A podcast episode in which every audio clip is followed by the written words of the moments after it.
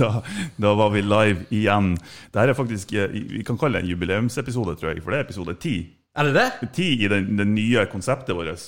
Vi har jo mange, mange episoder under beltet da, sånn ellers, men eh, Og hvem bedre er det ikke å ha her enn uh, Svein Jæger Hansen? Det er, vi, vi har, du har jo vært på øverst på lista egentlig lenge, og gjester vi ønsker å, å ha, ha med. Så kult. Uh, for når vi har diskutert liksom ja, Hele konseptet med vår podkast er jo lokale folk, interessante folk. Vi vet at det er masse interessante folk på Mo, eller Mo og omegn, Helgeland, Nordland. Og jeg tenker at hvis vi syns de er interessante, så syns òg andre de er Da må andre òg synes de er interessante, så da, da må vi, da må vi Ha, ha de på podkasten? ha de på. Ja. Eh, og, og du har jo vært eh, øverst på den lista ganske lenge, egentlig. For hvis det er noen som er lokalambassadør og proklamerer for alt lokalt, egentlig, så er det jo, det er jo du. Så godt. Så er, fine ord. er det noen som ikke vet hvem Svein Jæger er for noen? Liksom? Ja, Uh, ja, Krigor. det varmer jo Så- kokkehjertet. Jeg kjenner jo at jeg gleder å få så mye Så herlig. fine ord. Du har forresten noe av det kuleste navnet ever. Eh, vi, vi har jo jobba sammen under et eh, event. eh, Jeg tror det var et julebord på Meiergården vi hadde, hvor eh, jeg var toastmaster, og du skulle komme ut. Og jeg tenkte var noen som sa at det var en kokk som skulle komme ut og gjøre noe. Så tenkte ja, OK, blir, det kult, liksom? Og det tok jo helt av. Ja, som var- regel. ja, Gi var- mannen en mikrofon, Ja, ja. så tar det av. Og de bare Ja, han heter Jeger. Så bare, Jeger? Men du sier Jeger, da? Ja, Jeger. Jeger. Jeger. Jeger Hansen. Han, eh, Odd Johan Nelvik, eh, for to år siden, når vi lanserte Villmarksakevitten, Mm. som liksom kongsgress fra Polarsirkelsona Men fy faen! Jeger Hansen. Mm. Vet du hva? Jeger Hansen, det er jo helt fantastisk. Ja, men det er jo det. Det blir å selge. Ja. Og på to år ble det Norges største eh, lokalakevitt. Så eh, Det er helt ja, utrolig. han har teft. Hvem, hvem har trodd det, liksom? Hvordan kom, eh, hvordan kom konseptet frem? Hva, hva- som fikk deg til å tenke at det er noe vi må lage? Jeg har vært fem år i lag med Peter Negge i Vi Menn og Villmarksliv. Jeg har vært liksom viltgrillkokken. Jeg har vært i en sånn her ekstra bilag i Vi Menn og drøget på med oppskrifter og inspirasjon til å få folk til å bruke det som de har høsta av naturen da, i løpet av vinteren. Og så, eh, når du blir kjent med personer, så er det jo liksom Han har jo en god kompis, og det var jo han Nelvik i Det Norske Brenneriet. Så eh, jeg husker første året så sendte jeg nedover en eh, eh, par biter med tørka kjøtt fra Jeger Hansen og litt sånn her. Så drolla man litt sånn her, og så tenkte jeg faken, det har vært kult, Ja. men egen akevitt. Og så fant vi ut at eh, jeg måtte ringe, og så ble eh, kontaktnettet skapt, og eh, så baller det egentlig bare på seg. Det skalerer og tar av. Og, eh, og Er er det en plan som du har hatt hele tida, eller har det bare skjedd helt naturlig? jeg tror litt av den lidenskapen, når jeg brenner for å holde på med akkurat det som jeg liker aller mest Nå 20. juni så har jeg vært 26 år på Meiergården. Og Det er sjukt. det er sjukt. Det er det at når du koser deg med ting du holder på med, så, så skaper det energi, og det skaper at du har lyst til å eh, begeistre og gjøre ting for de som er rundt deg. Og sånn var vel kanskje òg med det her produktet.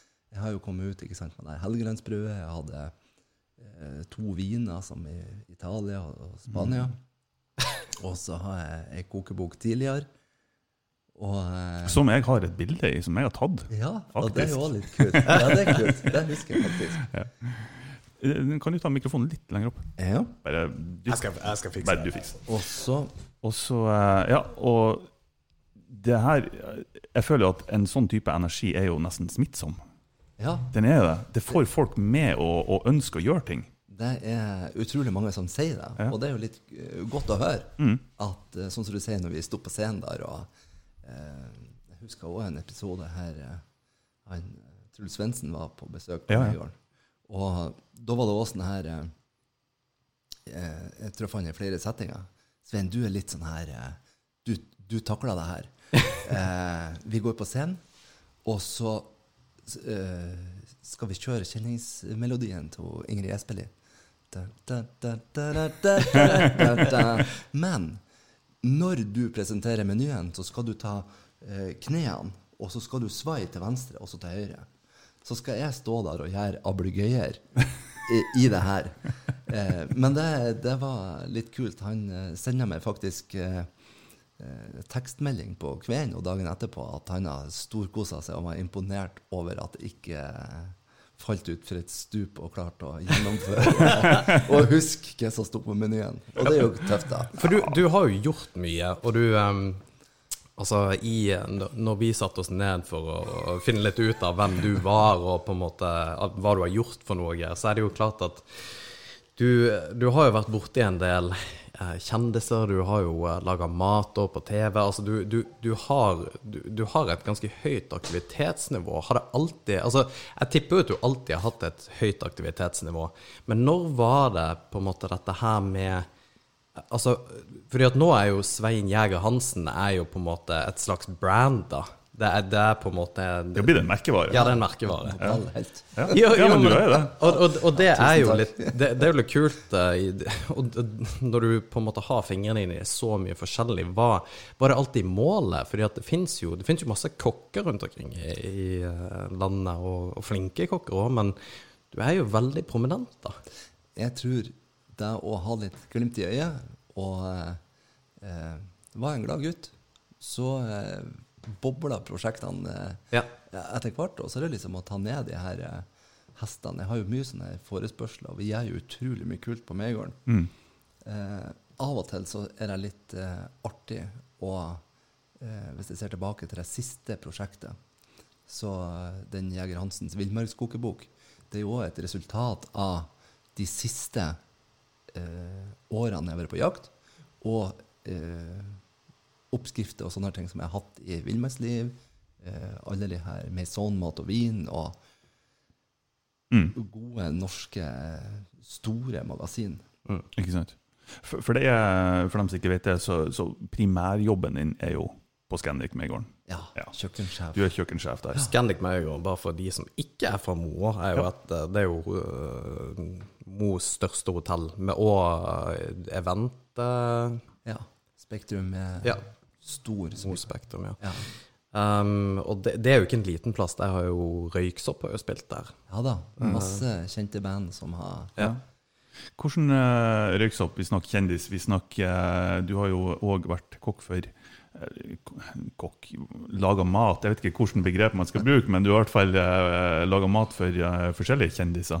Uh, Erna Solberg, blant annet. Eh, ja, er det noen andre? Jeg har Det, masse. det er sikkert masse Oi. andre. Altså, flere statsråder. Jeg har Det jo laga mat til kongefamilien. Å? Ja, OK. Jeg var- Jeg skulle kanskje ha nevnt dem først. jeg, var, jeg var en av åtte kokker som uh, fikk lov å lage bryllupsmiddagen til Martha Louise. Og så uh, sånn eh, kjendisprofil. Altså, det er jo Arne Hjeltnes og Lage mat til Arne Hjeltnes, ja. Ja, Ja, riktig. det er kult. Ja. Trond Svendsen. Ja. Eh, I går så laga jeg frokost til eh, Hjelmseth. OK. Eh, og det er jo litt kult. Ja. Er han i byen, altså? Han eh, var i byen. Oh, ja. ja. Ja. Prosjekt til Helgeland. Ja. Så det er tøft. Kult. Hvordan er det litt ekstra press når du eh, lager mat til sånne eminente folk? Nei, jeg tror jeg, ja, jeg tror jeg blir litt sånn her ydmyk og stolt og glad at jeg får lov til å også dra på meg noe eh, vilt i eh, Ja. Enten i skogen Jeg har vært veldig sånn som her, jeg var i lag med hun Bollestad i Simskaret i høst. Ja, der man eh, eh, parterte og skjærte ned reinsdyr, og så eh, stekte i eh, fjellheimen når høsten og fargene og alt det sånne her. Så det blir sånn her eh, ekstreme oppdrag, og det, det er jo tøft å få være med på. Men hvordan får du, altså hvordan greier du å få innpass i disse her på en måte prosjektene? Fordi at det er litt sånn som du sier, altså igjen altså, jeg jobber i restaurantbransjen i Trondheim, veldig mye flinke kokker kommer jo fra Trondheim, eh, for det miljøet som har vært der, og Um, vi har jo um, til Elise, de er jo fra Roar Hildonen, som er restaurant på en måte mogul i, i, i Trondheim. Um, men når du er en av åtte kokker som lager mat til kongefamilien, altså på bryllupet til Märtha Louise, det er jo ikke en, det er jo ikke en ting Altså, de tar jo kontakt med folk de vil. Hvordan fikk du en sånn jobb? Jeg tror det går litt på eh, bekjentskap, Ja. og at du viser deg fram som en eh, flott fyr, og at du har lidenskap, eh, og at du brenner for det du holder på med. Om eh, du trenger å stå på i 12 eller 14-16 timer, så er du der til eh, prosjektet er ferdig. Eh, de siste årene så det er jo litt sånn her Det boller på seg. Og når du da jobber og jobber og jobber, så ser de at du, statsråd Dale satt på departementet og sa han hadde lyst til å ta Solberg med seg til Finnmark. Men da Jeger Hansen var med og lage maten. Og selvfølgelig ble, eh, ble det med. Vi laga en femretters eh, på hvite vidda eh, i eh, teltet. Og det, Det er kult, altså. det er kult. Og Det det er litt sånn her krydder i hverdagen. Ja. Kan, Men jeg tenker, det må jo ta eh, Selv om det selvfølgelig er eh, utrolig artig og spennende og alle positive ord man kan si om sånne ting, men det må jo være utrolig ressurskrevende òg for deg som person. ja, det kan man si. Ja. Men eh, Hvordan går det? Jeg tror man eh, sorterer ting i hodet sitt og eh, biter jo opp tennene med positive vibber. Og det er utrolig hva man klarer å dra på når man brenner for det og har lyst. Ja. Altså, det Ja, jeg er helt enig, for vi har jo For å gå over til, til ultramaraton til meg og Alex, så er det utrolig ikke vi klarer å Vi har funnet ut at eh, vi skal sprenge ultramaraton. Ja, det er kult. Ja, det Det vet jeg ikke helt om jeg kan. Det er ikke et ord jeg ville ha brukt, for å si det sånn. Eh, og da, ja, Det er overraskende mye vi klarer å dra på når vi først er motivert Ja, det. Men Men det jeg syns er litt kult, da, er jo at um, som tilflytta til byen, det, så er det jo det at man um, Rana er jo en Jeg syns det er en liten by. Um, og det, det er på en måte Men allikevel så finnes det på en måte ildsjeler som deg sjøl, som på en måte har lyst å gjøre eh, litt kule ting, da, og, og på en måte gjøre det, og du får innpass i det. Og det, det er derfor jeg syns det er så viktig at folk får høre historien din, fordi at det er um, Du kan og Nå går jeg i faren for å på en måte trå deg på knærne, men du kan være en kokk på Meiergården ferdig med det. Men det er du ikke. Det er på en måte, Du kan være en kokk overalt, du, men du, du brenner for det du gjør. Du, du har en, ild, en lidenskap for det du gjør. Og det skinner sånn igjennom at du Altså, med den Uh, Med den motivasjonen og sånn som du er, så kunne du, du kunne gjort hva som helst. Så hadde det jo blitt bra. Ja, Det tenker jeg òg. fine ord. Ja, jeg ord. tenkte jeg også. også. jeg, jeg tror nok litt av det at uh, jeg har det utrolig bra hjemme. Uh, jeg har forståelse eh, ikke sant? Jeg har vært 27 år i lag med Bodil, og det at jeg har aksept for at jeg har så mye i meg. Og, og sånn som her i høst, var først på matstreif, og så var jeg jo på Dyrskuen i Seljord, som er Norges største landbruksmesse. Mm. Um, Og der fikk du en sånn benevnelse, holdt på å si. Eh, en sånn uh, tittel. Uh, Ja. dyrskukokken, var det Ja, for det, var- det, jeg vært der tre år. Ja. Og det var første gangen eh, Og det her er jo tilfeldigheter. Etter den turen jeg var og parterte reinsdyr sammen med statsråd Dale oppe i eh, Finnmarka, så eh, skjærte vi ned, og NRK og TV-en var der, og masse journalister. Eh, så eh, eh, sa jeg til dem at etter de kom fra gjerdet, at eh, nå skal jeg lage en eh, syvretters. Ja, ja. Syvretters, liksom. Av den reinen vi skjærte ned nå i det lille teltet der. Ja, ja, ja. Og så gjorde jeg det. Mm. Og så eh, gikk det en måned. Så fikk jeg en personlig invitasjon til eh, å bli med til Grüne Woche i Berlin i lag med delegasjonen til han statsråd Dale.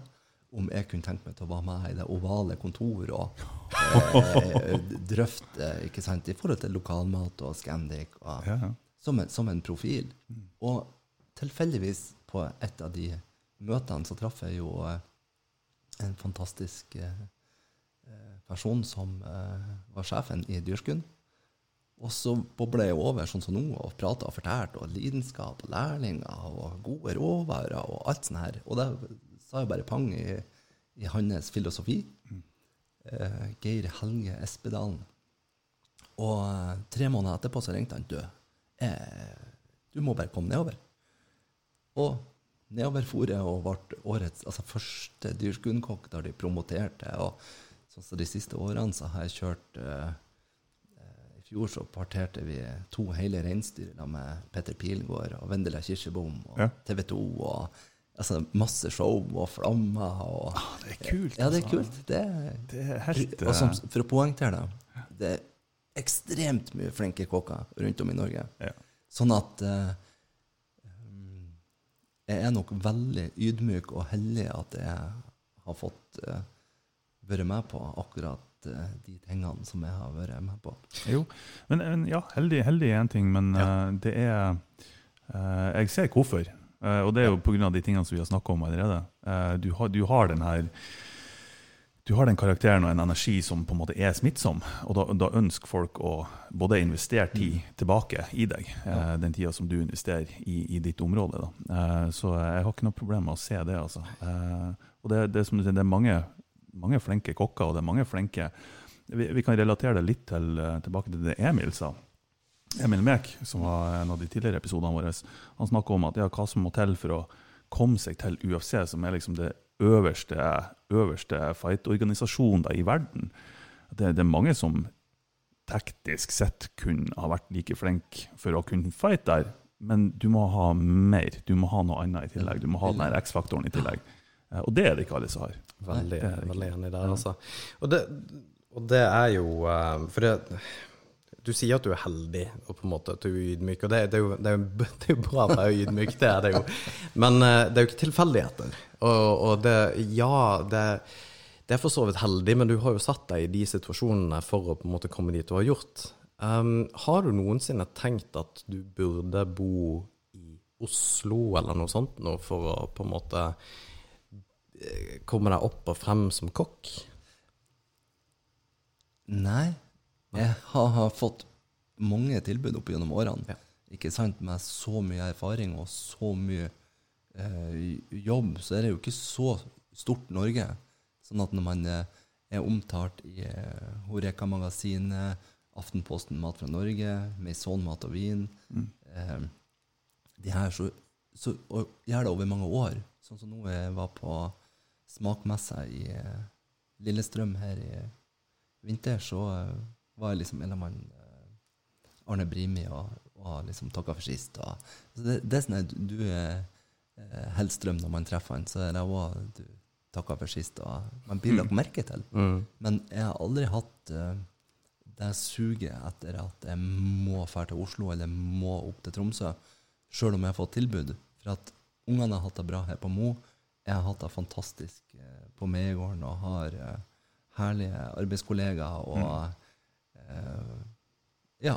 Det, det er liksom ikke det suget som Det har tilfredsstilt med meg at jeg har fått gjort de her prosjektene utenom. Ja, fordi at du, du har jo Du er jo ambisiøs, det er du jo, til på en måte Ikke ambisiøs i den forstand at man på en måte har spisse albuer og vil opp og frem, men du, du er ambisiøs fordi at du liker det du driver med, at du, du, du har en genuin interesse i noe og på en måte vil dyrke det også. Så ser jeg jo eh, Ikke minst så, så bruker du på en måte lokal tilhørighet til ditt beste, da. Du er på en måte villmarkskokken. Og det er Det, det, det syns jeg er så forbanna kult, altså. Fordi at du, du det, det er mange med, ambisjon, med ambisjoner som kunne tenkt seg at ja, vi må nedover til Nor Øst, Oslo, eller vi må der det skjer, på en måte. Men det, det skjer her òg. Ja, absolutt. ja. Hva, hva er det som, som gjør egentlig Helgeland spesielt, med tanke på alle de tingene som du promoterer med råvarer? og eh, Går det an å si noe om det? Jeg tror at eh, kvaliteten på det vi har rundt oss, er Altså, det er i eh, verdenstoppen. Jeg var med Nordlands eh, fylke og eh, promoterte råvarene herifra nede i Italia. Og det er ekstremt eh, sånn her du, turisme og Nord-Norge og eh, Helgeland. Altså, det er eksotisk. Det er, og at det er bra for de lokalprodusentene at det finnes personer som brenner for akkurat deres produkt, Mm. er jo òg kule ting. Og det er òg sånn som her jeg har fulgt eh, samene på landsmøtet nå i åtte år. At jeg har vært liksom eh, kokken som har kommet med en surprise med en tapas eller eh, eh, type produkt eller sovas, eller gjort noe sånt her kult i en av de pausene de har hatt Mm. eh, rundt om i hele Norge. Eh, så ble det jo her i 2017 så ble det jo årets reinsdyrkokk. Ja. Altså den eneste i Norge da som eh, kan kalle seg for reinhelten på vidda. Og det er litt kult Ja, det- når du har jobba og jobba og jobba. For jeg klarer også å se gjesten eh, når vi sitter ikke sant, de skal ha et bryllup eller et eller annet, og eh, jeg presenterer menyen, og så er det mens jeg prater om eh, råvaren rein, ikke sant, så plutselig så røys hårene seg. Så sa hun brura ja, jeg vil ha den menyen!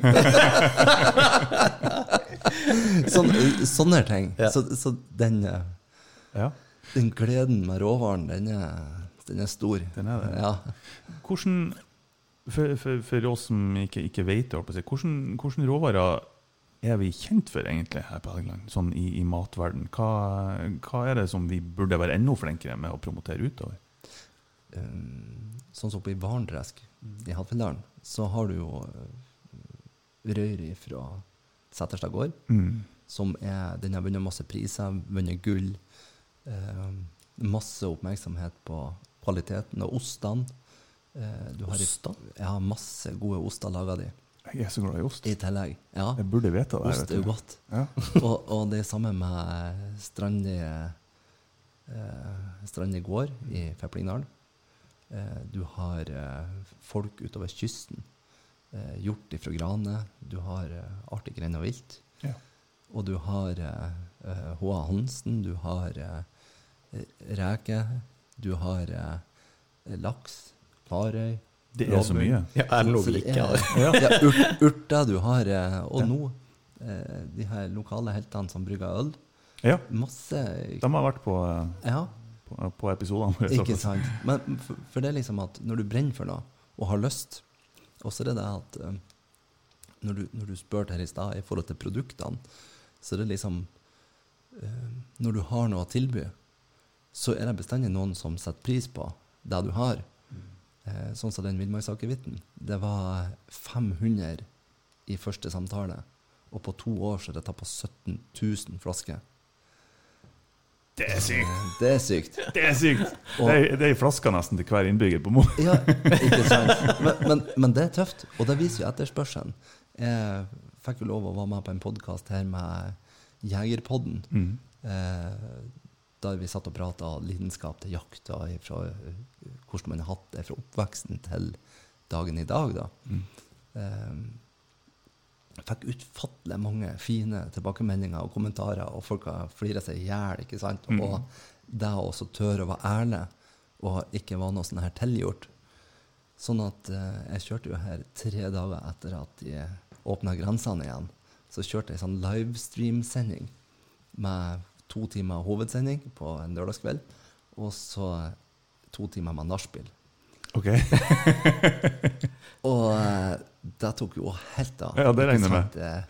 Eh, mange, mange hundre følgere på Instagram og Facebook, og eh, jeg fikk denne kokeboka mi eh, traff jo en nerve blant jegere. Mm. Så helt fram til faktisk i dag så har jeg fått bestilling. Og da eh, har jeg sittet nå i ettertid og så signert godt over 160 bøker. Og så hadde jeg fått en pose Fjellsnacks fra Arv eh, som en sånn her eh, gave, så de kan kose meg når de Ja. leser. Ja, ja. Det er så bra når man, hvis man kjøper eh, noe greier fra Komplett eller noen sånne her butikker sørpå, så får man ofte et sånt drops eller noe sånt. Jeg får man en pose, Kjøtt. en Eh, pose kjøtt. Eh, Det er nei, men, kult. nei, men det er tøft. Og det, det er liksom det at uh, uh, Tilbakemeldingene når de kom bestillingen, så var det sånn her uh, uh, du, du er konge, du er rå. Mm. Du inspirerer. Gubben min har aldri vært på kjøkkenet, men nå har han plutselig lyst. Og ikke sant? Det, det at man kan spre over den gleden med å holde på eh, på kjøkkenet, Mm. også det å bruke det. Mm. Og så eh, ser jeg jo på eh, Instagram at folk eh, danderer og legger opp og, og lager retter ut ifra kokeboka. Og så hashtag eh, Jeger Hansen, Ja. hashtag villmarksakevitt. Ja. Og det er, jo, eh, det er jo tøft. Mm. Eh, Det må jo gi en viss form for energi Ja. akkurat. Ja. Det er akkurat det som er det. Mm. Kult. Det gir masse positive eh, Men Du, vibber. du, du snakker mye om det å bruke naturen, altså bruke på en måte råvarene du har. Er det viktig for deg på en måte at vi, vi er, blir flinkere til å lage mat med det vi har, kontra på en måte bare kjøpe alt nytt og Ja, jeg føler jo at uh, det er veldig bra å bruke av det man har uh, høsta. Nå er det jo ikke alle som høster av naturen. Mm. Som jeg sa da på den jegerpodden, så var det at uh, hvis uh, man er ute og jakter eller å, og fisker, så kan man dele med naboen eller med familien eller med venner når vi har vært i Børgefjellet og fiska ørret. eh, Med hendene. Eh, Ja, gjerne med hendene. Gjerne det. Eh, eh, Den, den skal du få lov å fortelle etterpå. så, så er det det at eh, når råvaren er fersk, så gleden er jo stor å få lov til å eh, gi den bort til folk som kanskje ikke har muligheten til å komme seg på en sånn fjelltur. Mm. Så kan man dele litt bilder samtidig. Altså. Ja, for hvor mye rundt det um, For det er jo ikke bare matlaginga og det å spise maten som er det viktigste, høres det ut som. Altså, for, for din del så er det en opplevelse, en, opplevelse en, en helhetsopplevelse fra på en måte det å spise, hvor du spiser, hvor du lager, hvordan du lager, og du, du involverer på en måte gjestene dine i, i hele prosessen, da. Og det er kanskje det som er litt eh, som jeg har bitt meg merke til når du er oppe i vidda og du parterer i teltet, Ja. at det er på en måte det er en helhetsgreie. Kan du forklare litt på en måte hva du Hvordan er det perfekte måltidet? Jeg tror det er at uh, du deler med de vennene du er glad i, og ønsker å være på tur med. Og så er det litt sånn her når du uh, drar med deg porselen eller et eller annet sånn her, og fordeler vekt. og eh, De siste årene så har vi jo hatt med oss, også spesielt på høsten, så er det litt den her eh, kule tingen at når du har, er du ti timer i fjellet, så kan du unne deg en god pause. Så kan man òg samtidig forberede litt på forhånd, eller man kan gjøre ting som gjør til at det blir enklere. Du drar jo ikke med deg eh, masse utstyr, sånn at du eh, danderer og lager tapas og sitter der og koser deg med vin. Og det, det er det ikke. Men det å også unne seg et eh, godt, varmt eh, måltid istedenfor de her eh, oransje posene i plast så du det vann i. Det er ikke en sånn tur man gjerne er på for å overleve. Det er for å skape nye minner. Og jeg er helt sikker på at eh, opplevelsen av den turen, teltturen, dagsturen, forsterker minnene hvis man gjør ting som eh, gleder de som er i lag med det. Ja. For mat har jo, har jo alltid vært ifra urtida holdt på å si, en greie som knytter folk sammen. Man sitter rundt bålet. Ja, og, og, og fienden, man knytter bånd. Ja, ja, man Ja. knytter bånd, og når man spiser, så spiser man liksom. Da, det er liksom en, en tid for fred og, Ja. og, ro. Ja. Eh, så uh, ja, det, det bildet som du tegner egentlig nå, eh, om å sitte på fjellet og, og lage egen mat og, og hele biten, det, det er veldig idyllisk og veldig appellerende. Um, men det er også som du sier, det, det er kanskje ikke alle som har muligheten til å gjøre det. Um, men um, ja. Han eh, Peter Neggi, som har vært med på de her turene, han eh, er jo en fantastisk fyr som eh, begynte å jakte i voksen alder, Mm. og har vært 32 år på Vi Menn, og skriver godt, får opplevelser i hele verden, reiser, eh, og skriver og forteller historiene. Og eh, vi hadde gått i Bøgefjell og akkurat skutt. Akkurat, vi planlegger jo den ene dagen skal de f.eks. være rype på retten. Mm. Andre dag så kan det være hare eller rein eller en villmarksrett hver gang. Da Og eh, da skjøt vi hver sin rype, og så gikk vi 200 meter og satte oss i lyngen med de fargene og spillet i fjellet. Der han liksom eh, Svein, eh, det her er, det er liksom honning til hjernen. Det er opplevelser for livet. Jeg tør påstå at det her er det aller beste måltidet jeg har spist i mitt liv. Oi. Og det er litt sånn sterke ord, for du, du skaper og gjør ting i lag som gir en opplevelse. Du tar vare på viltet som uh, ligger der og Mm. har råvarer med seg og kan dandere deg der og da. Mm. Får du dratt mikrofonen litt nærmere? Det, det, det er litt sånn kleint å snakke så nært, men Ja. det, blir, ut, det, det blir utrolig god lyd, da. Ja, ja. Da blir den best. Det blir den best. Men du har, jo, du har jo opplevd eh, mye moro som du har vært inne på. Du har også laga mat for en del eh, forskjellige eh, gøye folk. Gøye Ja. folk. Men er det, er det en episode som på, Eller eh, en setting som på en måte utmerker seg som veldig spesiell? Altså som du aldri kommer til å glemme? Jeg skjønner at du, det, du har vært med mange, men er det én sånn Det er noe minnesrikt som har skjedd. eh, som Som, som du kan fortelle. Ja. Og den kan jeg. Eh, Jeg tror det at eh, det at man treffer personligheter som er kjent, så opplever du at de er utrolig akkurat like sånn som oss. Ja.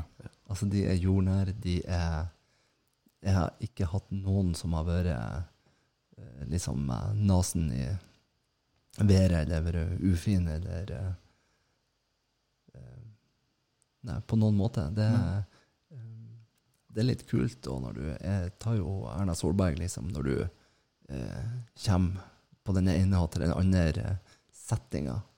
Eh, jeg kan dra en da, at eh, Ja. Jeg hadde egentlig ikke lov å fortelle da, men eh, Det er ingen som hører på. det her er, er jo mange år siden at eh, kronprins Haakon Mm. eh, skulle lage Og det var jo selvfølgelig da den 10. september. Eh, og jeg har, siden jeg var 14, så har jeg vært på rypejakt med kompisene, så da sa jeg jo at eh, han får vente. ja, han får vente. Det er- Jeg er med guttene. Det er én dag i året. Eh, Fy og, faen. og vi ble eh, enige om at eh, ja, hvis jeg kunne gjøre det klokka sju på kvelden, så kunne jeg heller lage middag av ferske ryper. da. Det måtte jo være mye kulere. Og sånn ble det jo. Ja, da måtte du være sikker på at dere faktisk fikk noen ryper òg, da. Ja ja, men hallo, Geir Hansen. Jeg, jeg er jo ikke på fjellet uten å eh, Men jeg ofra jo rypene, da. Ja. Um, Jeg vil bare ha sagt, jeg har kommet til å ditche deg så jævlig fort. hvis ja, det, det Men, men situasjonen var jo sånn at eh, de eh, skulle ha både lunsj og, det, og kveldsmat, da, så da Mm, var det liksom greit å kult. Sammen med Stoltenberg og Bondevik. Og begge da har faktisk vært 10. september, så da liksom Du, vi tar ettermiddagen. Ja, det er kult. Det er kult. Ah, helt fantastisk. Du, eh, men i tillegg til villmarksakevitten og så vidt jeg husker, den er, det er kongsgress, den er, Ja. ja, blant annet. Og det er jo sånn som jeg høster her i polarsirkelsonen på Ja, Helgeland. Ja. Hvor- Hvordan, eh, hvordan kom du i kontakt For det, det er et annet selskap, eller er noen andre som faktisk lager akevitten? Eller hvordan er det Det samarbeidet? Det norske brenneri nede i Grimstad, Okay. med han eh, Nelvik. Som, eh, så var det jeg og eh, Jon Bertelsen. Mm. Nelvik også, de som var der nede. Så ligger det jo på tønne, ikke sant. Så eh, for jeg nedover, og så hadde jeg med kongsgress, og vi trekte ut på styrke, alkoholstyrke som er litt lavere enn eh, 40 Mm. for at da får du fram de rette smakene. Og så blander det her essensen som du får ut av det. Smaken med kongsgress er jo ganske kraftig. Sånn at det passer godt til produktet. Og eh, så fikk jeg oppover, så ble det liggende eh, mer på tønne. Og så har jeg ti av kompisene mine her på Mo, så laga jeg en enkel eh, 14-retters med masse tapas. Enkel. Og så drog vi på med Og så testa det her produktet om eh, hvilken type base, hvis det her, ikke sant, det, det her er den basen. Så det er liksom eh, hvilken type Hvilken kraftig smak, eller vil du ha mild smak? Og eh, så ble vi jo enige da om at uh, denne smaken er noe som vi ønsker å gå for, og det har jo virkelig slått an, da. Ja, virkelig, altså. Ja, Jeg, jeg må dessverre innrømme at jeg har faktisk ikke smakt det ennå. Ja det er jo flaut. Men jeg skal gjøre det. Ja, faen, Det er faen meg flaut, altså. Det er bra, det er bra du er så ærlig at Ja, du det er sier flaut. Ja, det er flaut. Det er- Du men- burde skjemmes. rett og slett. Men jeg, jeg har aldri vært noen sånn akevittmann, men jeg, jeg har egentlig aldri drukket akevitt, så jeg vet ikke hvorfor jeg ikke er det. Ja, da er du litt unnskyldt. Har du aldri drukket akevitt? Jeg lurer på om jeg gjorde det en, en gang da jeg var 20 eller noe Å, sånt. herregud. Så det er jo eh, Ja, det er noen år siden. Nei, ikke Vi har Jeg, jeg, jeg formelt jeg erklærer her at jeg skal smake i løpet av kort tid. Ja, det er konge. Ja. Vi, Det setter pris på. Polet åpen i morgen? Har de ja, har på ja. hodet? Ja. ja. men da, da har vi en For vi har en liten drøm i eh, Jeger, skjønner du. Vi har snakka litt om det. Vi, for vi har litt lyst til å på en måte ta podkasten og prøve litt sånne her eh, live-events. Og, og ikke bare live-events sånn som vi har hatt her før med, med på en måte musikk, men vi har lyst til å gjøre ting. Altså ta det ut og, og oppleve ting, og på en måte dra folk litt med på den opplevelsen. Og vi har faktisk eh, Fordi at vi, vi er i dialog med å, nå husker jeg ikke hva hun heter. Fjellpiken. eh, Elisabeth fra Korgen, tror jeg. Korgen. Ja. Eh, og det hadde jo vært kult at uh, dere eller du eller hadde tatt oss med litt på jakt og på en måte laga litt mat ute. Og kunne liksom lage en, en ute. Og jeg tenkte på Jeg må det. få lisens først, da. Så jeg, Ja, ikke sant. Det, det er lov å gå under opplæring. det er det, ja. Så bra. Ja, det har vært fantastisk. Hva er det eh, Hva er det kuleste du har opplevd, eller morsomste du har opplevd på kjøkkenet? Altså ikke hvem du har laga mat til, men det, det skjer jo mye rart på et kjøkken. Jeg kan jo si litt av det kuleste sånn eh, råvarestuntet, da. Ja. Siden Martin var inne på det i stad. okay. Eh, når jeg henta min egen ørret som setter seg fast Ja. på 3 meter og 40 dypt. Satt seg fast? eh, Hva betyr det? Var, eh, jeg var i Børgefjell og fiska, og så eh, gikk fisken og så satte seg under et tre. Så jeg hadde han nesten, og jobba i 25 minutter rett utfor hytta i eh, Feplingdalen. Og så kommer dattera og tremenningen roende og spør pappa, pappa, jeg- har du fisk. Ja, men jeg sitter fast. Og så eh, eh, jobba og jobba og jobba, og klarte ikke. Og så vrengte jeg av meg. og så eh, sa jeg film. og så stupa jeg. Det er det som er det viktige. Film. Og så eh, tok det jo helt av. Altså, det var en liten sånn stubb eh, at han hadde eh, med kroken og scene. Eh, så han hadde jo egentlig slitt seg, men han sto under eh, den greina på stokken Under vann. eh, under vann. 3 meter og 40 dypt. Og så den gleden jeg har, for det var kjempekaldt i vannet.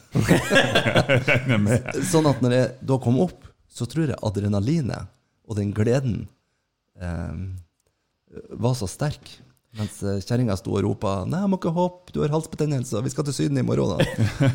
og det, det er visning. De har fått over fem millioner treff på YouTube. Og, Men Jeger, at, at vi må backtracke litt, eh, fordi at eh, du, du tok av deg klærne fordi at en fisk satt fast, Og med den på. Ja, ja. Trusa, trusa. og kasta deg ut i vannet i tre og en, eh, meter eh, dyp, og fiska fisken med hendene. Ja, det var en sånn kilos ørret. så jeg klarte å få tak i han, og klemte han hardt, og så kom opp. Og da, den gleden så eh, Det var ei kanadisk side som hadde over 700 000 visninger. Eh, NRK hadde Det var på Dagsrevyen. Um, Ja, jeg husker jo den ja, episoden. det, det tok helt eh, Dagblad, VG, Ja. eh, ja, Startsiden det, det ble det eskalerte. Jeg har ferie, og jeg var på P1 og fortalte. Og hun, så, I tillegg så ble det fredagsgjesten. For at det var det, altså det, var det stuntet som har fått mest oppmerksomhet den uka. da. Og eh, ja, det, hun, altså, hun sa det, hun som intervjua meg, at uh, første gangen hun så det, så hun holdt på å eh, liksom tisse ut, så hun flira.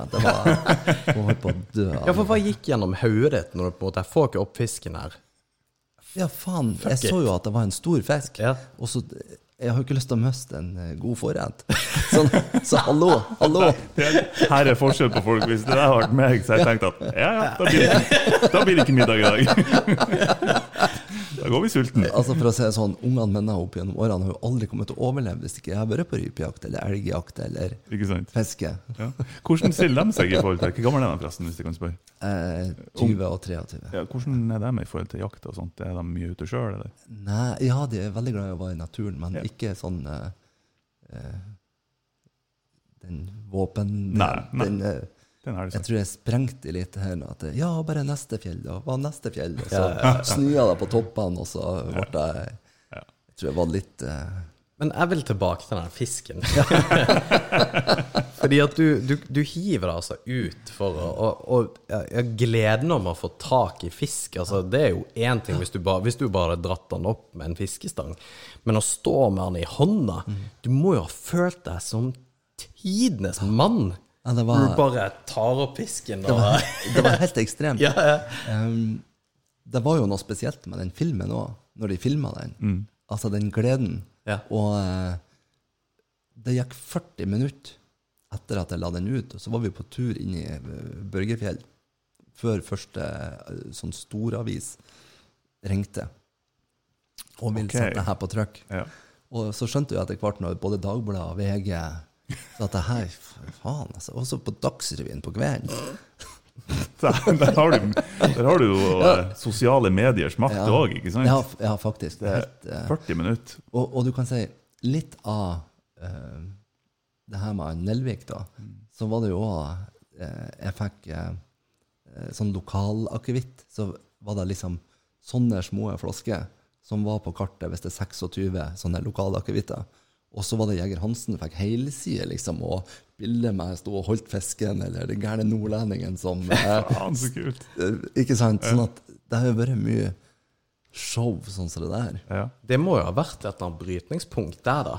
Eh, I forhold til på en måte uh, Ja, altså boka di og, og, og alt mulig som har gitt deg på en måte det traction i dette her, da. Jeg har jo, jeg har jo truffet mye kule folk som har sett at mye av det jeg har gjort, har blitt positivt lagt merke til.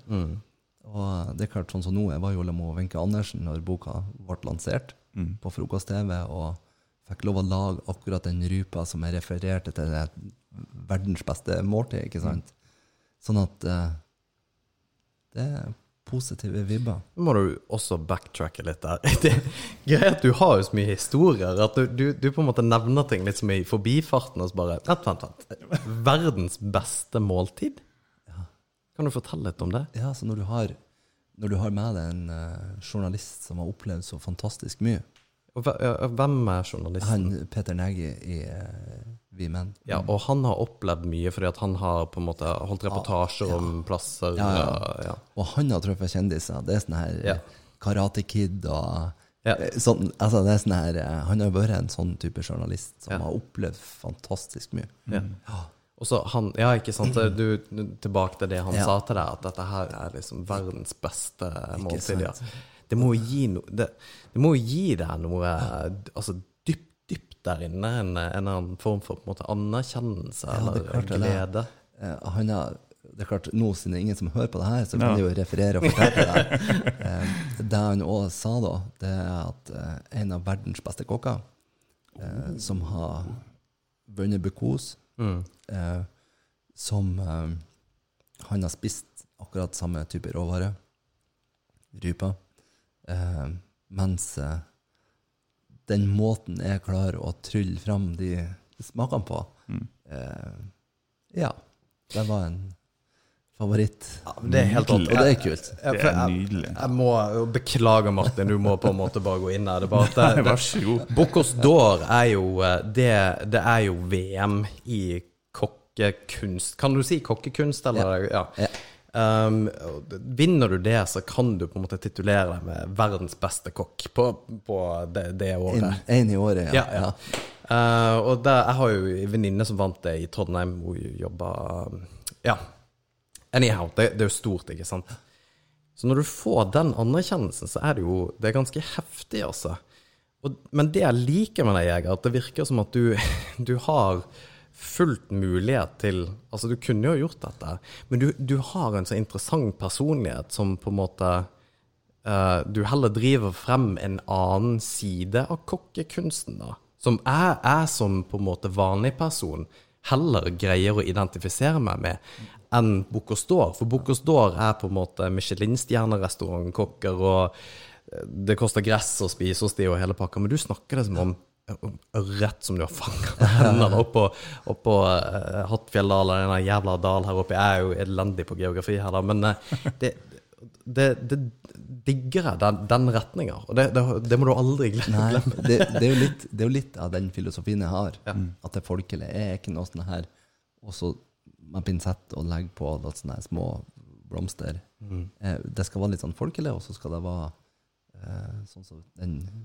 boka her som jeg kom ut med i høst, den har 230 sider, og det er liksom at når du lager, så skal det være noe sånn her, om du lager med gulrot, eller det skal være sånn at du sjøl forteller, og så skal du bli litt inspirert av 'Å, det var kult lagt opp', eller 'det så godt ut', og så har du lyst til å Om du ikke har akkurat samme presentasjoner, så har du i hvert fall eh, gjort noe sånn at du Mm. lager god mat. Ja, ja. For, for det er noe unikt med det òg, å, å føle at uh, For jeg har, jeg har egentlig bestandig vært glad i å lage mat. Um, og det starta Jeg hadde en sånn periode på fire-fem måneder eller noe sånt da jeg var 17 år gammel. Det er den eneste perioden der jeg har vært arbeidsledig, sånn ut etter skolen. da. Uh, og da eneste jeg hadde å gjøre, da, det var egentlig å lage mat. Ja. Og da starta min matinteresse. Så jeg er jævlig glad i å lage mat. Eh, og det, det, er en, det er en glede med det å faktisk ha laga noe, det å kunne invitere folk på et hjemmelaga måltid, Ja. som ikke er en Grandiosa, liksom. Ja, det er de gule eskene. Ja. Med ketsjup på. Ja, det, men, det, men det er en kjempeglede, og, og jeg tror det ligger litt sånn i um, ja, se, i genene våre at uh, det her med mat og det som jeg nevnte i stad òg, det, det sosiale rundt det å eh, samles rundt et måltid, er veldig viktig for mennesker. Mm -mm. Jeg tror det. Jeg tror det er viktigere enn det vi tror, faktisk. Um, Og kan jeg skyte inn en ting, for det, det er jeg også enig i. Og det jeg liker med Jeg mener jo personlig det å, å tenne et bål. eh, det er også det, det er på en måte toppen av å sette seg ned rundt et bål. Det er noe magisk med det. Og det, det er også fordi at det ligger langt, langt tilbake i tida. Og her snakker vi om å kombinere de to tingene. Altså tenne bål og liksom Ja. tere maten og greier. Ja, det, det er en trygghetsfølelse. Det å, å tenne et bål og, og sitte rundt det. Tidligere, i, igjen i urtida, så var jo det en form for trygghet eh, for omgivelsene. Eh, du har varme, og du har, liksom, du har 50% av det du trenger, bare der. Eh, og når man kombinerer det med mat i tillegg, så eh, ja, det er veldig Ja, da er det Bestandig kult. Ja. Bård, du blir jo fascinert. Ja, ja, Ja, ja. det, det er jo noe med det, uten at jeg kan sette ord på det, egentlig. Men du er jo en ganske ydmyk kar i tillegg til dette, til å gjøre mye kule ting. Hva, hva syns du om janteloven? Jeg prøver kanskje egentlig å ikke tenke så mye på det. Nei. Jeg brenner for det jeg holder på med, og er det noen som syns at uh, det blir litt mye, eller at uh, ja, at man stikker seg fram igjen, eller gjør sånne ting, så, så tenker jeg at uh, Eller at det her har vi kommet til å gjort mye bedre.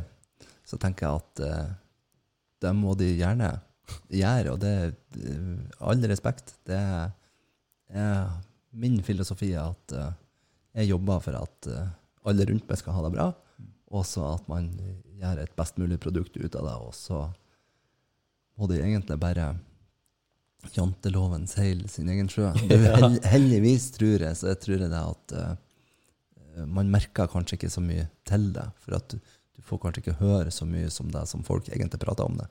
Ja, Det er jo heldigvis. Heldigvis. Ja. Ja, jeg tror man er litt Eh, gæren. Jeg har en kommentar på akkurat den. da, Det er at uh, jeg ble jo årets ranværing Ja. i 2010. Mm. Og Det var på Galleria? det? Galleria. Ja.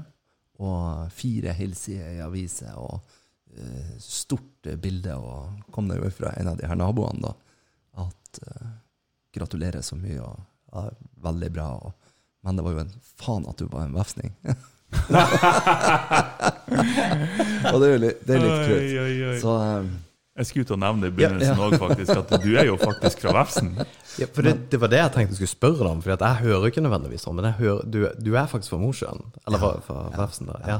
Og så er du et årets ranværing? Ja, det det, det elsker jeg. Det Det er dritbra. Det er Ja, helt Men konge. jeg har blitt utrolig godt uh, mottatt her på Mo, og eh, jeg har òg trua at hvis man oppfører seg og er en skikkelig kar, så eh, blir man eh, godt mottatt. Ja. Og det er eh, masse flotte, herlige mennesker. Ja, på, på begge plassene. Ja, Eh, jeg tror det er at de dem som ikke er så kjempeflotte, det er dem som er mest høylytte òg. Ja.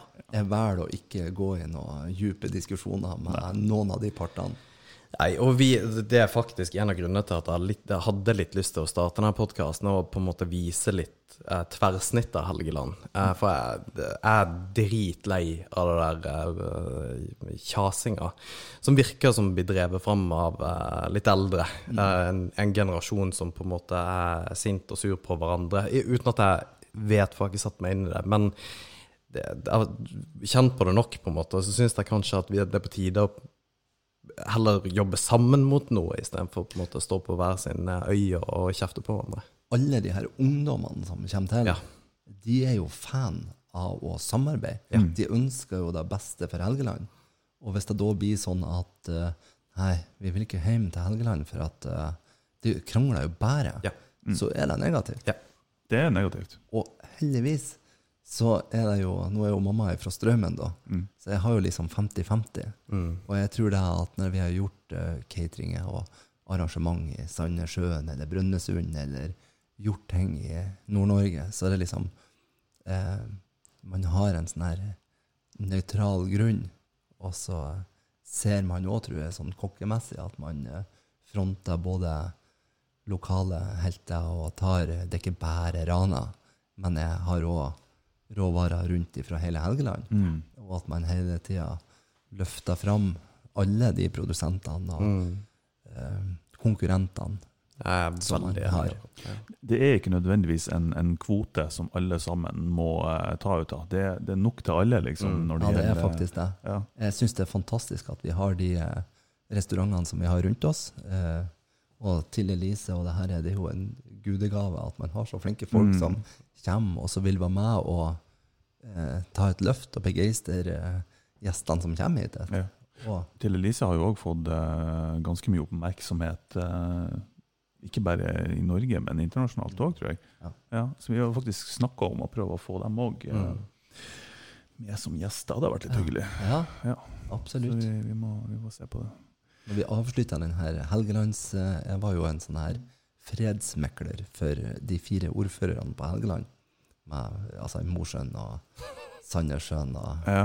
Alstadhaug her, altså på Mod. Og så møttes vi på nøytral grunn i Korgen i Vesterli, og så var det jeg som piska de rundt, og eh, der de laga hver sin rett, som skulle være en sånn fredsmåltid. De måtte lage sjøl. Ordførerne måtte lage sjøl, Ok, ut ifra de råvarene som jeg hadde. Det er jo et dødskult konsept. Og det er kult. Ja. Sånn at uh, du ser de her uh, stammene som møttes, og høvdingene som uh, Og det gikk bare godt. De Ja, fikk til å prate med hverandre. Ja, ja. Mye latter og glede. Og så, så mat. Ja, Ja, det, det knytter folk. absolutt. Ja. Jeg har faktisk vært med på litt av det samme konseptet i ja, Hvor var det? Det var um, Jeg husker ikke, men jeg var på en firmatur en gang.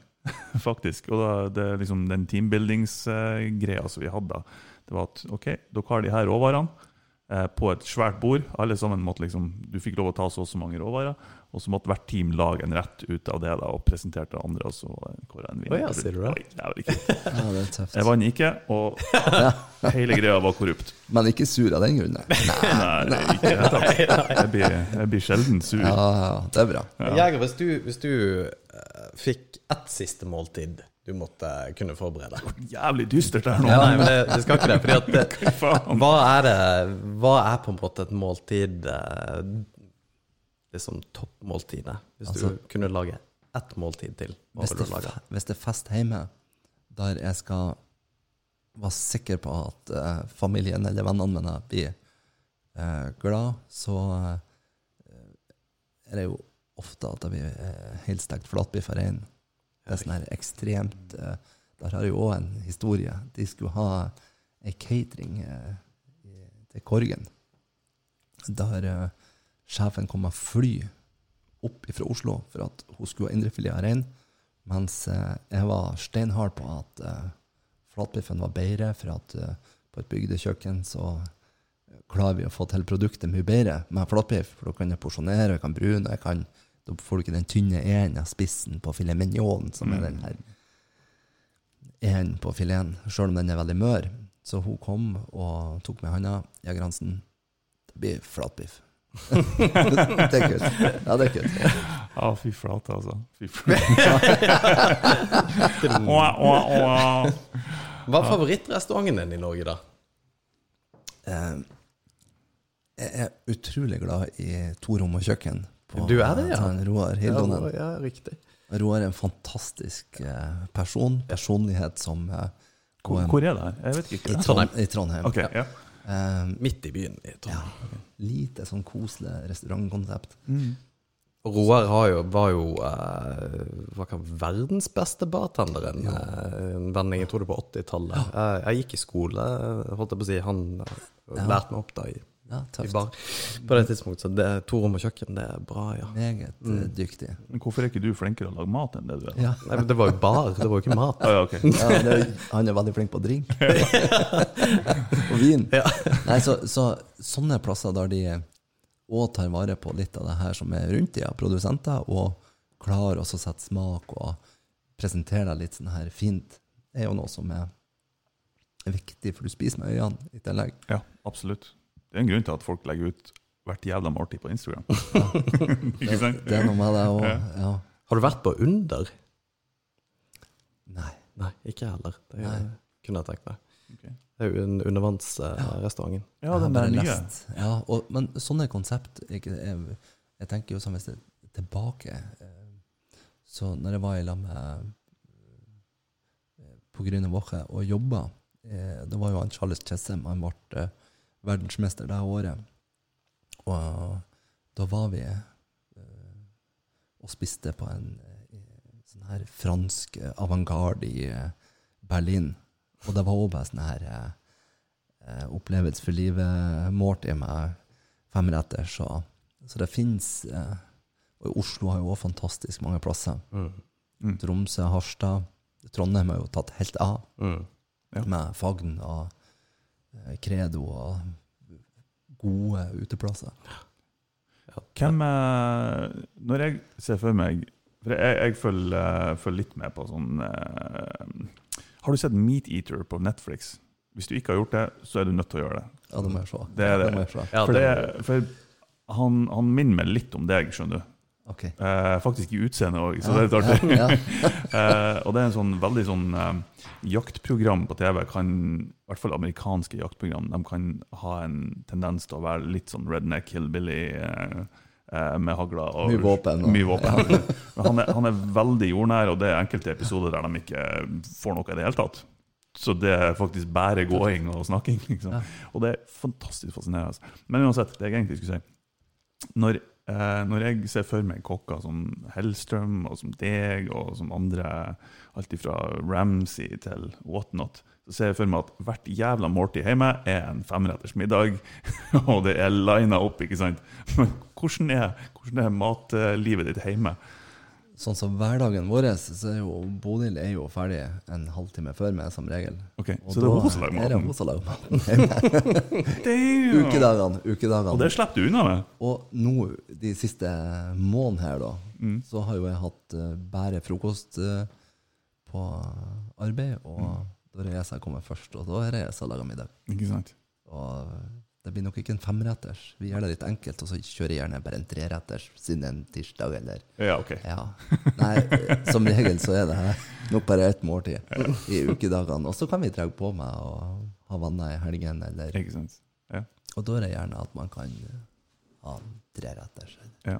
femretters. For det som, eh, det som slo meg litt, det var at eh, når vi, når vi skulle bli enige om tidspunkt for denne episoden, så, så, eh, så er det var vanligvis så kjører vi, kjører vi klokka åtte, da, men jeg gjorde et unntak for deg klokka seks. Ja, for at eh, du er jo eh, Du skrev til meg at nei, jeg våkner klokka fire hver morgen. Ja. For du må, jeg skjønner jo det, du må sant, klargjøre alt, og det er råvarer det er snakk om, og alt det der. Og jeg våkner sånn kvart på åtte, et kvarter før jeg skal på jobb, og bare jeg må vente litt med å svare, for jeg er altfor trøtt akkurat nå.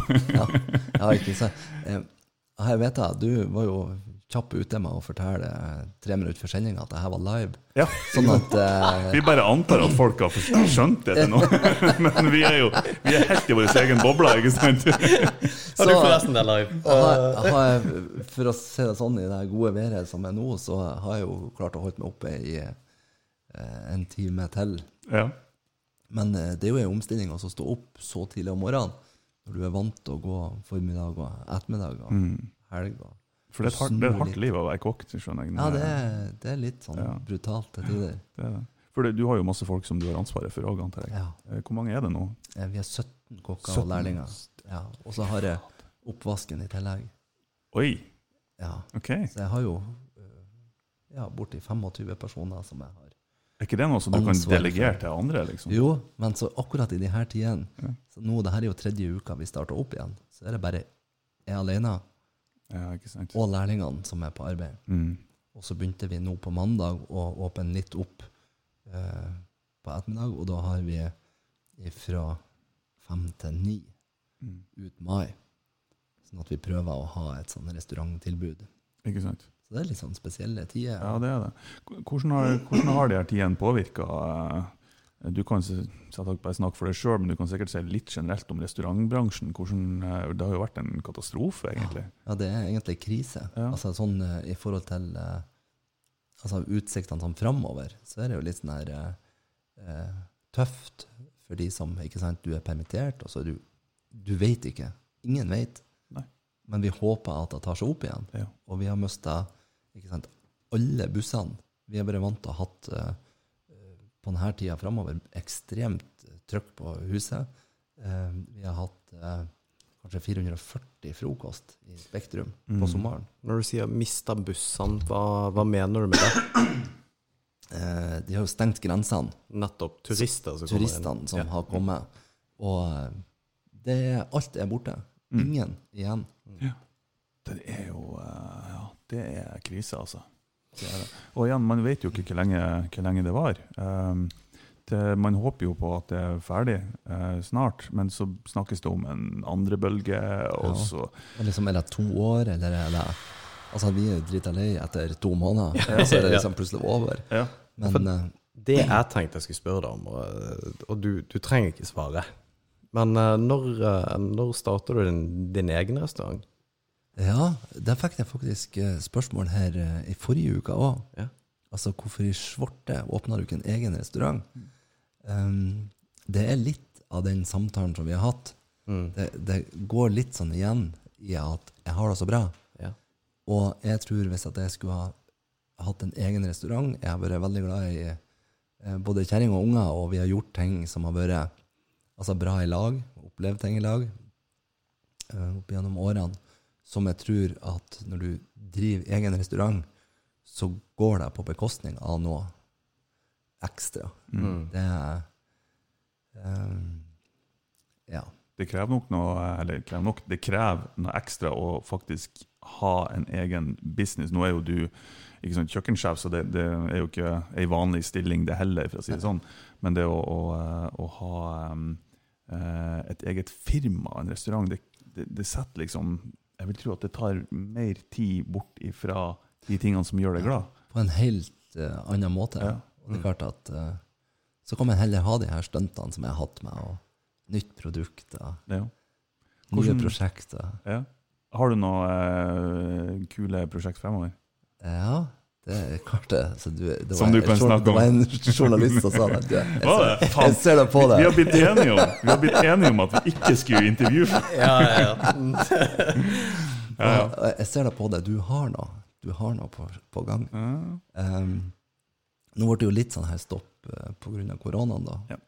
Men uh, vi håper jo at uh, det kan være noe kult uh, som vi kan fortsette med når det begynner å bli over. Det er klart eh, Hva da? nå er jeg jo akkurat ferdig med den uh, villmarkskokeboka, Ja. ehm, eh, Ja. Det er klart det. Du har egentlig lyst til å si det, men Bare, la dem prate. La dem prate. Nei da. Hvis det ikke er noe du, eh, du kan si, så eh, Eh, ja, Men det er- det er noe på gang. Jeg, jeg, kan, jeg kan komme tilbake og, Ja. og, og fortelle. For Det høres ut som en kjempeplan. Um, ja. Ja. Ja. Det, Veldig bra. vi kan, som en kommentar da, så kan man si at uh, det Helgelandsbrødet som uh, vi ga ut, det er jo noe som har um, gitt over 600 000 til barn og ungdom. Det er jo helt fantastisk. Og, og det å få lov å bidra og hjelpe til med sånne prosjekt, Mm. er jo òg knalltøft. mm. Altså, du, du ser gleden av de ungdommene og ungene som har fått så mye penger, som kan kjøpe utstyr eller ting som de kanskje ikke har hatt råd til. Mm. Hvordan, hvordan type Hvordan blir de pengene fordelt, egentlig? Vet du, Ja, det, det har vært søkt okay. om penger ifra ikke sant, Hvis det er klær eller Mm. utstyr, eller Ja. skulle gå fysisk til barn og ungdom. Ikke sant? Ja. Ja, det, jeg syns det er kjempekult. Vi, Jeg og Alex har jo søkt om stønad til diverse ting her. Vi får, vi får ingenting. Ja, ja, ja. Vi, Ja. de tenkte at dere er gamle, dere er penger. Ordne dere sjøl. Ja, men vi må jo gjøre noe som gir 600 000 til, uh, til barn og unge. Men uh, det, du har jo mye jern i ilden, og du, du holder på en måte Du holder uh, motivasjonen oppe hele tida, virker det som. Er det noen gang hvor du på en måte kjenner at nå, nå skorter det litt på motivasjonen, eller at Nei, jeg, som jeg sa her, jeg er 26 år. Nå 20. juni. Og jeg tør påstå med hånda på hjertet at jeg har kanskje hatt én dag at jeg har vært litt lei meg. Og ikke altså følt eh, Og det var faktisk nå denne dagen vi stengte ned pga. koronaen. Ikke sant? Da var, jeg, da var jeg skikkelig lei meg. Altså, jeg var, men jeg har aldri hatt noen sånn her nedtur. At jeg, bæ, jeg må opp og på arbeid. Bæ. Jeg var kjempeheldig. Jeg, har- jeg, jeg, har- jeg fjerna mandlene. Da var jeg borte fra arbeid. Ellers så har jeg, jeg har aldri forskjøvet meg. Jeg har Jeg har vært heldig. Vært frisk. Jeg, eh, Og hvis, hvis, du, hvis du kunne gi tips til noen som har lyst til å bli kokk, eh, eller har lyst til å bli flinkere å lage mat, hva er på en måte tipset ditt? Ja, altså Det er jo et herlig spørsmål. Eh, jeg brenner jo for det å ha lærlinger. Eh, vi har fem på Megården. Fem stykker? Ja. og eh, har du ikke lærlinger, så eh, mister du noe på veien. Og det, og det at brenner du for det du holder på med, så, eh, så blir du flink. Sjøl om jeg var jo ekstrem. Jeg hadde jo notisblokk eh, på senga når jeg ikke sant, kunne våkne og ja, den saus eller tilbehør eller kombinasjoner. Eller, så jeg har jo vært ekstrem med å Har jeg hatt fritt, så har jeg lest og sett matprogram og Ja. matbøker og blad. Og, så jeg har engasjert meg og henta masse. Vi var jo med i noe som heter Arktisk meny. Ja. Sånn at det var jo i Japan og Frankrike og Italia og Berlin. Rundt om i hele Det er litt av en reise du har hatt, altså. Frankrike husker jeg det var Brest. Verdens eh, største sånn her eh, seilas. Master and Commands og okay. tøffe seilbåter som eh, Anna Rogde kom fra Norge. Og jeg sto der med den franske ambassadøren og slo tørrfisk og laga tapas. Og eh, verdenspresse, ikke sant, så med journalister og eh, Fy faen. fram til så opplevelsene har vært med ikke sant, store konserter med flere hundre tusen eh, besøkende. Og, Ja. altså sånn restauranter der de hadde hatt eh, levende sommer og sjømat. Og, så det er jo det er liksom inntrykk som eh, Og så har jeg jo skapt min egen eh, versjon av det her. For at jeg òg har følt at jeg har lyst til å så begeistre. Og det var jo òg noe med Egmont eh, Publishing. Ja. Så De jobb- vil ha gi ut ei bok. ja. Ja. Og så var det litt sånn her Ja, nei 500 til 1000 bøker. 800. Eh, snittet er 760 bøker, liksom. Eh, Eh, Snittet for hva? hvis, du, hvis du lager ei bok, Ja. hva som blir solgt okay. Så det er det Ja. i Norge sånn, Nei, nei, nei. Så sier jeg det, det, det går ikke. Jo, det, det er sånn det er. Nei, nei, nei. Så sier jeg at jeg skal ha i hvert fall 5000 bøker sjøl. Mm. Hæ? Ja, ja, så sier jeg. Vi, så det var jo på, på tre måneder da, så har det blitt eh, solgt 5700 bøker. Fy faen. Og har ikke jeg vært med den erfaringa i forhold til Polarsykkelmatboka, så hadde det jo blitt fritt. Mm. Um, sånn at eh, Ja, jeg har villmarksboka. Altså. Ja, kult. Ja. Det, det har du gjort nå rett. Fikk den, i, fikk den i gave fra jobb. Ja, flott. Men hvis du kunne gitt bort en kokebok som ikke var din, Ja. hvilken bok hadde det vært? Um, ja, du har utrolig mye flinke Altså, en Hellstrøm har jo mye fine bøker. Mm. Eh, Tom Viktor Gausdal. Men du må velge én. Ja, da, vi tar en Tom Viktor. Ja. Ja, Tom Viktor Gausdal. Gausdal. Hvorfor det? Um, nei, han er òg en sånn som klarer å spre litt sånn her inspirasjon av uh, det at du brenner for noe som du eh, har lyst til å, å formidle. Mm.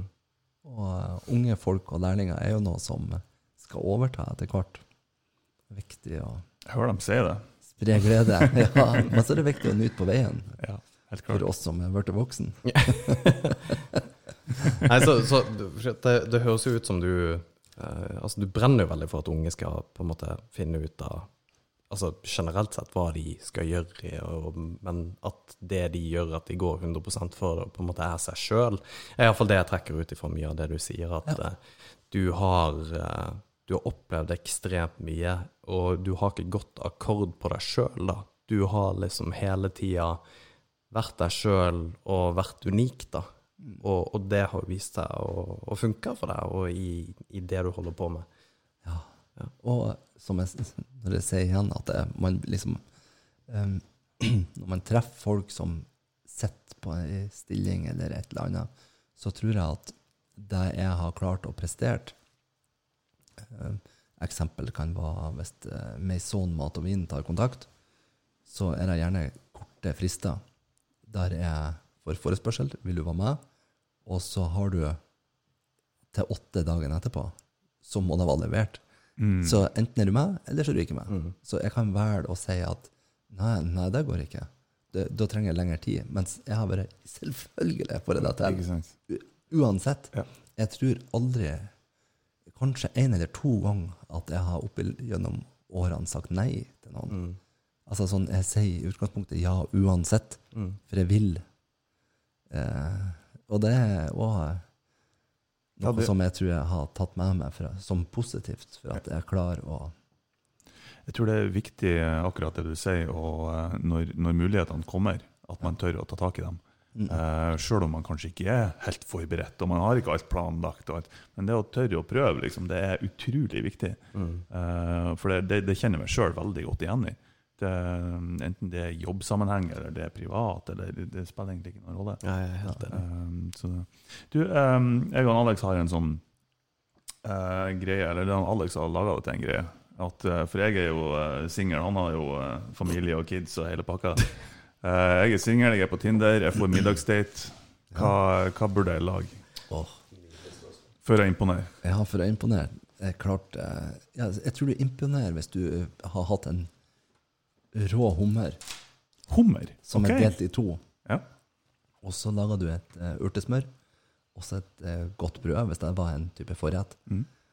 Oi, Så- vi snakker OK, forrett. ja, for, ja, du må lage flere retter. ja, okay. ja, du kan jo ha det som hovedrett, men det å, det å ha en på tallerken, en hummer, en rå en som du gjerne eh, gratinerer i ovnen, Mm. og så må man ha godt brød og en fin, enkel eh, salat. Trenger ikke å være så avansert. Nei. Eh, Hvilken type dressing snakker vi? uh, ja, det kan være en uh, oljevinaigrett med litt Ja. um, noe enkelt, lett? Ja, eller uh, aioli, eller et eller annet som uh, passer godt, og så en god eh, hvitvin. Altså det, Det er litt sånn her, ja, det er litt sånn her eh, små sexy med Ja. og hummer, og litt sånn romantisk. Det er stearinlys og Ja. Blomster på bordet. ja. Det er jo nesten sånn at jeg takker ja til en eh, Tinder-date her. Sorry, men du blir ikke invitert.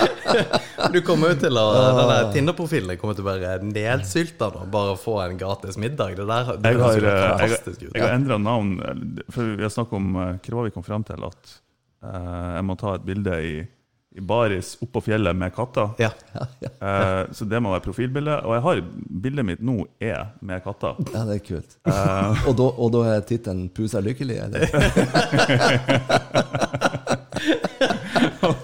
Det er derfor det ikke går. og så har jeg endra navnet mitt til bare Tyskeren. Ja, har du det? Ja, Ja, så takk. vi får se. Nå, hvis det nå står at du blir invitert på, Hummer liksom, som første Ja. Det tror jeg kan slå an. Ja, det, Ja, det tror jeg. Det hadde vært helt rått, altså. Jeg, må, jeg har en sånn greie at jeg må lage rettene til meg sjøl noen gang i forkant. For Ja, å At du trener litt. Ja, Men da er det et sånt tips å ha litt sånn her godt i med urter, eller finne noe paprika og løk i det smøret. Ja. For da setter jeg sånne, fine biter på Jeg blir jo i regn deg en. En lørdagskveld og bare Ja, jeg må trenge tips! Ja, ja. jeg trenger Skal hjelp. date snart. Du må jo krydre her. Du har jo fantastisk leilighet. Og, Ja, det funker. Så det Ja, det er bra. Det Og her dropper han ja. fantastisk leilighet. Soverommet ditt er jo Ja, ja, ja, ja. kjempefint. balkong Ja da. Ja. Mye fint her. Sol har du ennå. Nå er jo eh, Sentral beliggenhet. Ja, ja, i kjernen. Jeg, har- eh, jeg lærte mye om eh, det jeg tar igjen fra samtalen, litt eh, på en måte dette her med å lage Jeg har kanskje alltid trodd at eh, Jeg vet jo opplevelsen rundt det å, å spise og ha mat, at det, det er mer enn å bare ete. Altså det er mer enn selve greia. Men du, du tar det til et nytt nivå, og det kunne jeg også tenkt meg. Begynner liksom å tenke litt på det der med å ta måltidet til et litt nytt omgivelse og greier rundt det for å på en måte skape den greia. Du er veldig opptatt av også at folk um, opp, knytter sammen på et vis under måltidet. At det også er noe du opplever. Det syns jeg er ekst- veldig kult, den her biten med at vi, vi skal bli kjent, og, og det er den personlige connection. Det, Altså, den, den eh, latteren og den gleden og du klarer å få ut av et sånt måltid, det er jo eh, Ja, man skal ikke undervurdere det. Nei, det er det som er med å skape litt av den her eh, historien og de gode minnene. Jeg kan ta sånn som i morges. Det var eh, Jeg laga egg og bacon, da. Så er det jo til bordet, og så spør eh, gjesten om de har lyst på egg og bacon, og så får de en eh, Og det er jo kanskje nå sånn som tiden er akkurat nå, men de blir sånn her begeistra. Og så krydrer jeg med litt eh, grov pepper og så maldonsalt. Og så liksom du legger deg opp fint på tallerkenen, og så eh, fargerike tallerken. Og det her er liksom over alt av forventninger og liksom eh, inntrykket av noe som er enkelt. Mm. Kan være sånn at det forsterker de minnene du får, mm, bare med at du yter de her ekstra to-tre sekundene på Klart det.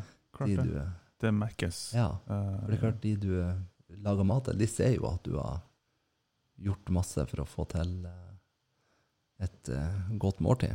Jeg tror folk generelt sett verdsetter at, at folk ah, bruker energi og legge glede og kjærlighet i noe, Uh, uansett egentlig hva det er. mm. Det, det tror jeg. Ja. Enten det er mat eller musikk eller maleri eller foto, det spiller ingen rolle. Ja. Det, det er en greie, det der at uh, ja. Man treffer en nerve. Ja. ja. Og så digger jeg at du har en historie som har gjort en forskjell, og som på en måte er litt stort, og så er rett med egg og bacon. Ja. Det er det som er så jævlig kult. Ja. Enkle Altså sånn Hvem liker ikke egg og bacon, liksom? Nei, nei, nei, jeg vet det, men eh, jeg tipper at jeg lager ikke en like god egg og bacon som du gjør. da Men jeg, jeg fikk jo sjukt lyst til å spise frokost i morgen på Amerigården, bare på grunn av det. det. Ja, men da kommer dere inn. Ja, Ja, vi kan gjøre det. kan godt være at vi gjør. Vi, eh, vi, når vi gjorde, jeg må se det, når vi gjorde litt sånn Vi bruker sjelden å gjøre så mye research i forkant av episodene våre, men eh, liksom ja, en time i forkant så setter vi oss ned og leser litt. Eh, men det er litt sånn bevisst, for vi ønsker at ting skal, det skal være så veldig opp, lagt opp til enkelte spørsmål. og sånne Ja. ting. Jeg har aldri vært så sulten så, så, så, som rett før denne episoden. For jeg skulle gå igjennom ting du har gjort, det var bare matbilde på matbilde på matbilde. Og det er reinkjøtt, og det er elgkjøtt, og det er gud vet. Så eh, jeg skal, vi skal ta oss en pils etterpå, skal vi ikke det? Jo, og så få oss noe mat. Det høres, det høres bra ut. Ja. Tusen, tusen hjertelig takk, Jeger, for at du eh, kom innom. Uh, Er det noe du vil reklamere for Ja. først? Nei, utenom villmarksakevitten Villmarksakevitt. og, så- og Jeger Hansens eh, villmarkskokebok. Ja. Hvor får man tak i akevitten? ja, den selges. Det er faktisk det er også litt kult. Etter nå den Jegerpodden så er det 23 pol som har den fast inne i Norge, til at den er egentlig på bestillingsutvalget. Her på uh, polet her på Moe har de vært fantastisk. Mm. Og Mosjøen har de vært flink, og rundt om Man ser hele Norge, egentlig, som Ja. har vært Og det, da kjenner jeg at jeg blir stolt. Ja, Scandic-kjeden har tatt den inn med en special edition på alle barene i Oi. hele Norge. Og det er kult. Det er så kult. Ja. Vi kunne ha sittet her i sju-åtte timer, Ja, ja, ja, men da måtte vi ha hatt en uh, syvretters eller noe sånt. Ja, og så måtte vi ha en akevitt på bordet. Ja, absolutt. En, ja. Absolutt. Og Villmarkskokeboka, hvor får du tak i den? Ja, den, uh, har- er det noen som har lyst til å få henne signert? Det, senest i morges, uh, en av de gjestene som fikk egg og bacon, fikk den signert. Uh, den står jo på alle hotellrommene på Megården. Oh, ja. Og så selger den i resepsjonen, så da kan de få dedikert meg eget navn, og det er mange som syns er litt kult. Det er tøft, Veldig kult. Så det er jeg som skal si tusen takk. Det er kult å få lov å også komme oss og prate og så spre litt sånn her glede. Så Ja. det blir en stund. Veldig bra. Lokal glede, det er veldig Jeg gleder meg veldig til å se eh, hva som skjer neste gang. For du har jo garantert noen planer det, som vi ikke fikk dratt ut. Og, men det skal vi ikke gjøre. Og så skal vi ta oss en liten prat når eh, det, eh, det går i mål. Fantastisk. Kano. I'll be back. Vi snakkes, da. Ha det. Ha det bra.